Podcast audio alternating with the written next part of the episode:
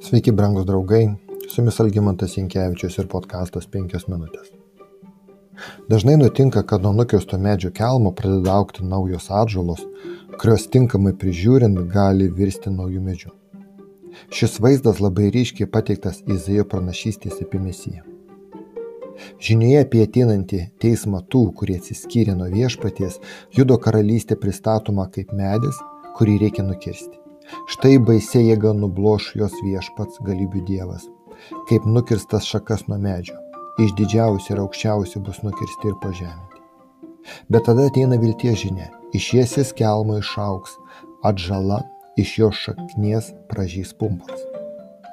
Viešpas turėjo nuostabių planų Izraelio tautai. Jo tikslas buvo, kad Izraelis taptų šviesos ir tiesos pasiuntiniu pasauliui, o jo naudinga įtaka auktų ir užpildytų žemę, atneždama taiką ir ramybę visiems žmonėms.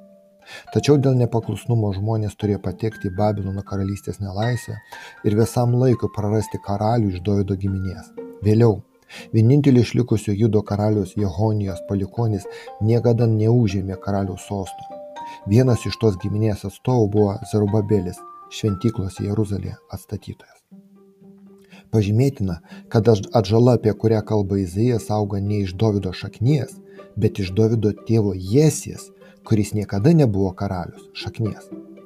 Tai rodo išganytojo gimimą tuo metu, kai Davido giminė praras savo karališką orumą, neužims sosto ir grįš į būsiną, kurioje Jėzaus, gimi, kurioje Jėzaus giminė buvo iki Davido patepimo karaliumi. Pagal šios vaizdinės išraiškos prasme, Izaijas sako, kad karališkoji Dovido šeima bus tarsi nukirstas medis, iš kurio liko tik viena šaknis. Ir iš jos išauks atžala. Mesijas ateis kaip jaunas ūglis kylantis nuo nuvirtusių medžių šaknų. Ši pranašystė apie gelbėtojo gimimą buvo tiksliai įvykdyta.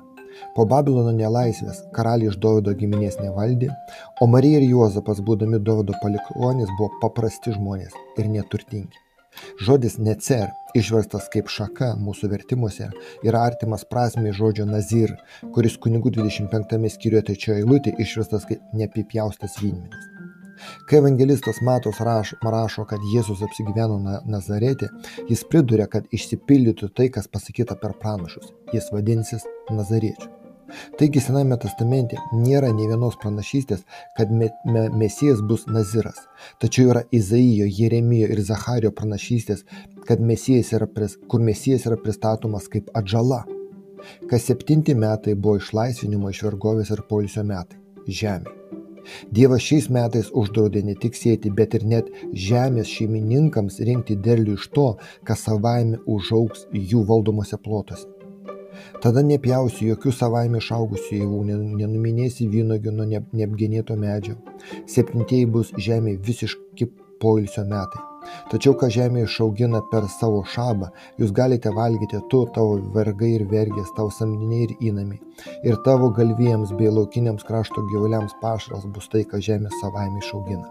Kunigų 25 skyrius. Tai yra, kad kartą per septynius metus žemė iš asmenės nuosavybės kurią Dievas buvo suteikęs, pereidavo kabutėse Dievo nusavybei. Visi galėjo mėgautis neapipjausitų vynmedžių palaiminimu. Tai dar vienas Kristos ir jo visuotinės tarnystės požymis. Brangus draugai, jo palaiminimus gali gauti ne tik Izraelio tautos žmonės, bet ir visas pasaulis. Kiekvienas per Kristų gali gauti išganimo palaiminimą. Su jumis buvo penkios minutės ir Algymantas Jankievičius.